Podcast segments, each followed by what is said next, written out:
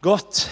Ehm, så ehm, de senaste veckorna här har vi haft en predikoserie om första Johannesbrevet. Varav eh, vi ska, eh, det här är den sista delen, det här är avslutet. Så vi- vi, ska fokusera lite på hur eh, sammanfattar Johannes allt? Hur, hur avslutar han sitt brev? Så Johannes eh, verkar ha varit en, en lärjunge till Jesus, en av Jesu lärjungar som kände honom. Och det här är ett brev han skriver när han är mycket äldre. Eh, Och man kan märka att de han skriver till verkar han verkligen, verkligen älska. Och han är väldigt angelägen att de ska få veta saker. Eh, och just det här ordet veta är någonting som återkommer i hela Johannesbrevet. Han skriver ofta meningar som så här. Detta skriver jag för att ni ska veta. Eh, så när han, han, han skriver mängder av saker som han vill att läsarna, och därmed vi också, att vi ska veta det här, så är det bra att vi stannar upp och lyssnar noggrant. Vad är det han vill att vi ska veta? Så om man, om man läser hela brevet så, så märker man att han nämner flera grejer som han vill att vi ska veta. Till exempel, här är ett urval. Han vill att vi ska veta att vi kan känna Gud, att vi är i Gud, att det är den sista tiden, att vi kan eh, känna sanningen, att Jesus är rättfärdig, att vi kommer bli lika Jesus, att Jesus har dött för våra synder, att vi kan lära känna kärleken. Om och om igen så säger han sådana här grejer, det här ska ni veta, jag skriver detta så ni vet detta. Och det är två sanningar i texten som eh, Pierre läste som jag, jag vill lyfta upp. En kommer jag lyfta upp jättekort för det kommer leda naturligt till den andra punkten. Ehm, så om ni har er bibel så är det vers 13 som jag läser nu. Där Johannes skriver, kapitel 5, vers 13 i första Johannesbrevet. Där Johannes skriver så här. Detta skriver jag till er för att ni ska veta att ni har evigt liv. Ni som tror på Guds sons namn. I en bemärkelse har hela brevet lett till den här meningen. Allt har centrerat kring att han vill att hans läsare, därmed vi, ska veta att vi kan ha evigt liv om vi tror på Jesus. Att vi, det finns en visshet, en kunskap som han vill att vi ska veta. Han vill inte att vi ska tvivla, han vill döda tvivel kring detta. Så, så här i brevet så vill han lugna våra hjärtan, stilla våra hjärtan. Eh, och så är det som att han vill att vi ska greppa mer och mer en sanning som är så lätt att bara ta för givet, för det är i bakgrunden, för vi pratar om de här grejerna om och om igen. Men han vill insistera på att vi som tror och förtröstar på Jesus har evigt liv. Liv bortom döden, gemenskap med Gud. Och det här är en gåva från Gud till oss. Och I början av första Johannesbrevet skrev han, jag skriver det här för, för att vi ska glädjas. Alltså han gläds när han vet att Guds barn börjar greppa mer och mer vad som är sant om oss. Vad som tillhör oss. Det gläder aposteln Johannes. Eh, och det, det, det här- det han är efter är en visshet som vi ofta sjunger om, i alla fall förr i tiden. Saliga visshet, Jesus är min. Himlens glädje fyller mitt sinn. Född av hans ande, ren i hans blod, får jag förtröstan, styrka och mod. Johannes skriver detta för han vet att många av oss brottas med att vi inte har visshet kring det här. Vi inte känner trygghet kring det här. Men därför kallar han oss till att istället blicka på Jesus och minnas hans löften till oss. Att om vi förtröstar på Jesu namn så är vår framtid ljus, den tillhör eh, honom och glädje är vår framtid. Hopp är vår framtid. Och ingenting kan rycka det från oss. Det är en bergfast grund som han vill bara spika fast här i, i början av, av liksom den här sektionen han skriver. Så det kommer jag sen i slutet av predikan be om den här visshet att om vi förtröstar på Jesus så kan vi bara, vi är Guds barn. Evigt liv tillhör oss, det är vårt. Men det leder till den andra punkten. För han vill att vi ska veta det här, för det här ger enorma praktiska implikationer. Sen skriver vi så här i vers 14 och 15. Och den tilliten har vi till honom. Att om vi ber om något efter hans vilja, så hör han oss. Och om vi vet att han hör oss, vad än vi ber om, då vet vi också att vi har redan Eh, eh, då vet vi också att vi redan har det vi bett om. För Johannes så, så, så tänker han att om vi verkligen vågar tro på evangeliet, om vi verkligen vågar tro att det här är sant och det här är mitt, saliga visshet, Jesus är min. Om det är sant så förändrar det väldigt, väldigt mycket. Det borde förändra väldigt, väldigt, väldigt mycket. Och inte minst kring bön för Johannes. Bön borde förändras med den här vissheten. För vad Johannes vill uppmana sina läsare och till oss är att vi ska kunna vara järva i vår bön. För att vi har en himmelska fader och vi kan komma till honom som hans barn. Och med det kommer ett privilegium eh, där vi kan järvt gå in för hans tron och be om saker utan att frukta hur vi relaterar till Gud, hur vi tänker kring Gud, vad vi tänker sker när vi ber, hur närvarande vi tänker Gud är när vi ber, kommer reflekteras i hur vi ber. Hur vi ber överhuvudtaget, det kommer påverka hur vi tänker kring allt det här. Och därför tror jag det är viktigt att vi som kyrka några gånger varje år stannar upp lite och funderar, vad är det vi gör när vi ber? Vad är det här vi gör? Jag tror det är liksom en viktig grej vi återkommer till. För Det är någonting som, som är del av det kristna livet. För jag är så övertygad om att bön är fundamentet för all kristet liv. Jag tror det är den osynliga motorn för det kristna livet. Att Gud har valt bön som ett sätt vi kan kommunicera med honom.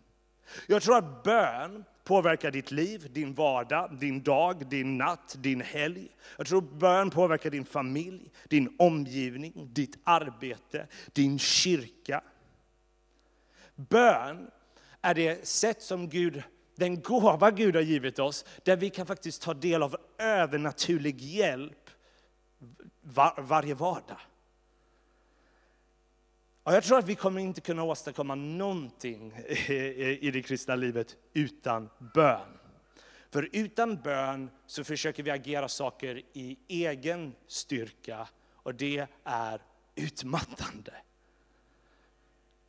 Och när vi tänker på det här med bön, eh, om vi liksom uppväxer i kyrkan, vi har hört Gud lyssna på bön, så det är så lätt att glömma hur, vilken gåva det är. Att Gud som är universums skapare, som har koll på allt, som styr allt, som är kung. Han är närvarande och lyssnar när jag knäpper mina händer ensam i mitt rum. Där är universums skapare djupt involverad och Gud lyssnar och tar det jag säger på allvar. Han är aldrig för upptagen för sina barn. Och det är den visshet som Johannes vill att vi ska våga tro på. En Gud som hör. Och då är det viktigt att förstå att när vi kommer i bön så är det inte som att vi kommer med tips till Gud eller rådgivning. Gud, by the way, har du tänkt på det här? Kanske det är så här du ska göra. Det är inte så bön fungerar. Det fungerar inte heller som magi. Om du bara säger Jesu namn så får du vad du vill. Liksom rätt formel och så löser det sig och så vidare. Um, bön är någonting annat. Bön för mig är på ett sätt det mest mystiska i det kristna livet. För det är just det, vi, vi, det är inte som att vi kommer och rådger Gud, Gud, eh, tänk på det här och Gud bara, ah, bra idé. Nu ändrar jag min plan bara för det där. Den som förändras i bön på riktigt är snarare vi, snarare än Gud. Så, så i en bemärkelse måste vi ha den spänningen. Eh, Gud eh, har full koll, han behöver inte råd. Men bön förändrar saker på riktigt. I Jakob 4, vers 2 står det, ni har inget därför ni inte ber. Antagandet är att om de bad så hade saker varit annorlunda. Men eftersom hon inte bad så blev det på det här sättet. Därmed så händer saker när vi ber. Det är inte bara psykologiskt snack med Gud, utan det faktiskt påverkar saker. Det förändrar saker i det osynliga och i det synliga. Och då är det så makalöst när vi tänker på det. Gud bjuder in oss till att få be och att det faktiskt påverkar saker som händer i världen. Han hade inte behövt det, för han behöver inga råd, han behöver ingen visdomsord från Joel. Han bjuder in oss till att vara del av Gud, hur han agerar i världen. Och det är egentligen otroligt.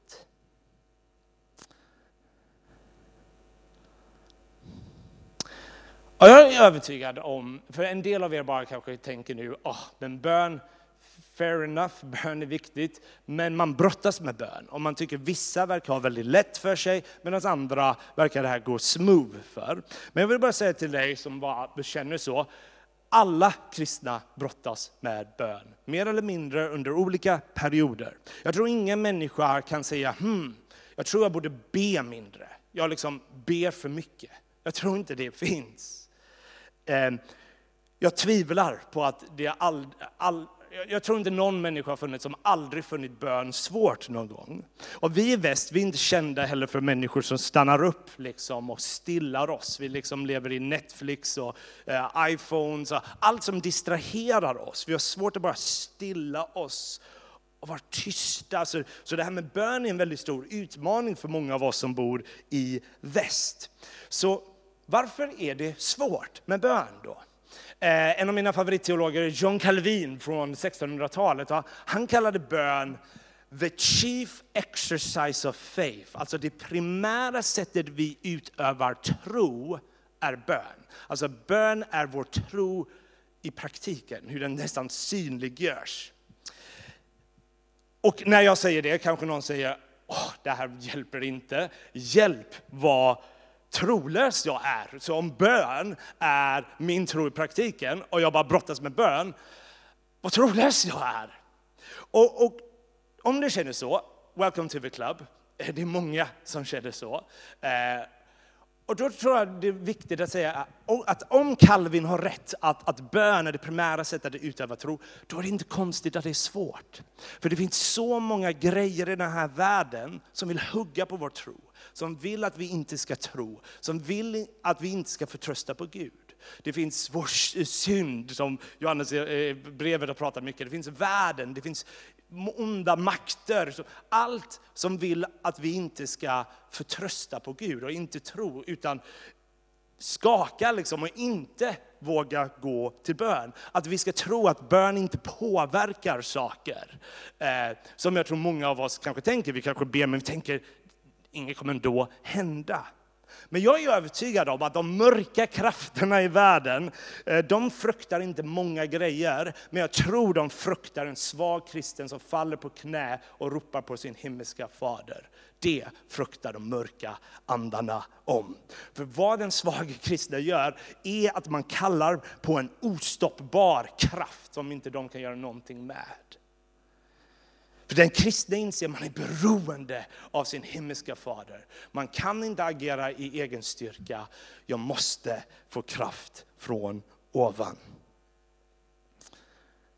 Och det är denna visshet, återigen, som Johannes vill kalla oss till. Och han vet att när vi vet Jesus är min, så påverkar det vår, vår frimodighet i vad vi vågar be om. Så, så i första Petrusbrevet så skriver Petrus så här.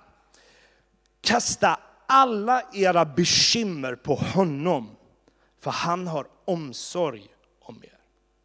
Alltså i bön bjuds vi in till att kasta all vår oro, rädsla, ängslighet, förvirran, längtan och ge det till honom. Och vi, det utlovas att han har omsorg över oss. Och det är ett sätt att be. Att vi bara kastar all vår bekymmer på honom, all vår rädsla, vår längtan, vår önskan och så vidare. Men i texten vi läste så vill jag bara notera att Johannes pratar om någonting mer specifikt. Så det är sant det här att vi får kasta alla våra bekymmer och det är en viktig del av bön. Men Johannes i texten vi läste pratar om någonting ännu mer specifikt. En specifik typ av bön som jag vill bara adressera snabbt. Så lyssna igen här, vers 14 och 15 som vi läste innan. Och den tilliten har vi till honom. Att om vi ber om något efter hans vilja så hör han oss. I första anblick så kan det låta som att typ, vad än jag ber om så får jag. Jag vill ha en BMW och ett kilo kokain, vet jag inte om det är, är det det hippa? I don't know. Eh, något sånt i alla fall. Så tror jag inte att, jag, då får vi, får vi det inte. Utan eh, bön fungerar inte som magi. Det är inte som bara säger ett ord så får du vad du vill. Eller tro tillräckligt mycket och pressar fram det så du bevisar din tro och nu ger Gud dig det du vill. Utan det är inte vad texten säger. Han säger något mer specifikt just här. Om vi ber om något efter hans vilja. Det är en eh, viktig disclaimer här. För i bön får vi absolut kasta alla våra bekymmer på honom. Eh, men många av våra önskningar och saker är inte bra för oss och de är inte i linje med hans vilja. Och han kanske svarar på, han kanske svarar på själva längtan som ligger bakom frågan och så vidare. Så vi kommer inte få det på exakt det sättet vi vill. Men det finns någonting här som jag tror också är viktigt att notera. Att det finns en typ av bön där vi aktivt försöker påminna oss själva, vi vill be saker i linje med Guds vilja. Och då, man, då, kommer frågan, men hur vet vi vad Guds vilja är? En rimlig fråga. Och i en bemärkelse är det enkla svaret, vi, vi vet inte. Men ju mer vi lär känna Jesus genom att läsa hans ord, genom att söka honom i bön, genom att ta del av gemenskapen där han synliggörs, så tror jag vi mer och mer börjar lära känna hans hjärta, hans vision för världen. Och därmed så tror jag vi kan mer och mer börja få in ett sätt där vi kan mer djärvt se, det här är i linje med Guds vilja och jag kan djärvt be om de här grejerna. Ehm, för jag tror att det är enkelt att när man ber, så kan man göra så här, man har sin lilla checklista som är helt, jättebra, jag har checklista så det är ingen kritik mot en checklista. Men man har en lista, ah, det är där, den personen, där, bocka av, eh, det där och så vidare. Slut, punkt, amen. Men det finns en annan typ av bön, som inte är den bön vi alltid behöver göra, men en bön som jag tror är bra för oss, där vi också reflekterar inför Gud våra böneämnen i ljuset av vad vi vet om honom och hans karaktär och hans vilja för världen. Där vi nästan, inte för att Gud behöver ett case, men för våra egna hjärtan och inför Gud lägga fram, men Gud, det här är i linje med vad jag vet om ditt hjärta om det här. Om det här är i linje med din vilja, låt det ske. Låt det ske. Och när man läser böner i Gamla Testamentet så märker man, så ber David, så ber Abraham. De vågar liksom riktigt engage med Gud och prata om, du agerade förr när du var i den här situationen. Du borde agera nu också. Och Gud agerar. Men det finns någonting i den typ av bön som jag tror gör någonting med oss. Delvis kanske det avslöjar vissa motiv och vissa böner vi har som visar, de är kanske inte trots allt efter hans vilja. Och de här, det, det, är någonting som jag behöver kanske se själv här, någonting är lite off där. Men det kan också få oss djupare be för saker och med en järvhet som Guds barn där vi kan komma inför honom och be i linje med hans vilja och kunna veta att så fort vi ber så hör han har redan förberett ett svar. Så, så jag, jag, vill nu bara avrunda med superkorta praktiska grejer som bara, som en liksom tre minuters avslutning, bara en punkt, några, några korta punkter som har varit hjälpsamma för mig när det, när det kommer till B. Så det här är, bön fungerar olika för olika människor. Och det finns inget så här system, så här fungerar det. Men jag tänkte bara, låt mig bara droppa några grejer som har varit hjälpsamt för mig och om det är hjälpsamt för någon annan, eh, bra i så fall. Eh, men någonting eh, som, om, för om det finns någonting, åh jag längtar efter mer bön men jag tycker det är svårt. Eh, då, då, då, finns vissa grejer som jag tror kan vara hjälpsamt. Eh, delvis så tror jag att om vi vill be så måste vi planera in bön i våra liv. För jag vet själv att när jag inte planerar in bön i mitt liv, då blir det den tid jag är minst alert eller minst vaken, typ precis innan jag ska lägga mig och kan knappt tänka själv. Och då är det inte konstigt att bön inte blir så himla härligt, för jag, det blir bara en grej att checka av eh, bara för att. Eh, men jag tror att om vi planerar in bön i vår vardag, i vårt liv, eh, när vi är mer igång, eh, så tror jag det är hjälpsamt för oss. Jag tror att vi kommer finna glädje i bön. Så, så det är en punkt. En annan punkt som har varit hjälpsamt för mig har varit att se till att vara, som hänger ihop med det, se till att vara mentalt närvarande och fokuserad. Vad jag menar med det är att ofta när jag har bett tyst till exempel innan jag ska lägga mig, som jag ofta ber då, eh, så märker jag hur, hur disträ jag är i tanken. Typ, Herre Gud, vi, vi ber, vi tackar dig för den här dagen och oh, låste jag dörren, stängde av spisen. Jag, jag är så liksom, tankespridd när jag bara har mitt huvud. Och någonting som har hjälpt mig är be högt. Be högt, för jag blir mer fysiskt involverad i vad jag gör. Det är inte bara mina tankar som flyter runt. Och jag finner själv mycket större glädje när jag gör det. Och kanske är det så att, att eh, du inte kan be högt för du väcker någon, men då kan man nästan bara vokalisera med munnen, liksom så här tyst för sig själv, liksom, eh, utan att göra ljud med munnen, så, så, så, kan det involvera en. För vi människor är inte bara våra själar och våra förstånd, vi är våra kroppar. Jag tror det är bra att, att involvera båda två. Nästa punkt, be med varandra. Jag tror vår himmelska Fader älskar när hans barn kommer tillsammans och ber. Och någonting jag bara längtar efter mer och mer är att det ska bli naturligt för kristna, när man umgås på en fredag, en lördag, låt oss be ihop. Vad har ni på era hjärtan? Att det, att det där får aldrig vara någonting som är awkward bland kristna. Det borde vara liksom det naturliga och det känns off och medlumtigt snarare. Eh, min, min längtan är att bygga en sån kultur där vi ber för varandra. Och när någon säger, kan du be för det här? Säg inte bara, ah, men jag ber när jag kommer hem ber direkt. Eh, jag märkte bara vad det gör någonting med mig själv när jag gör det och för den andra. Liksom så här.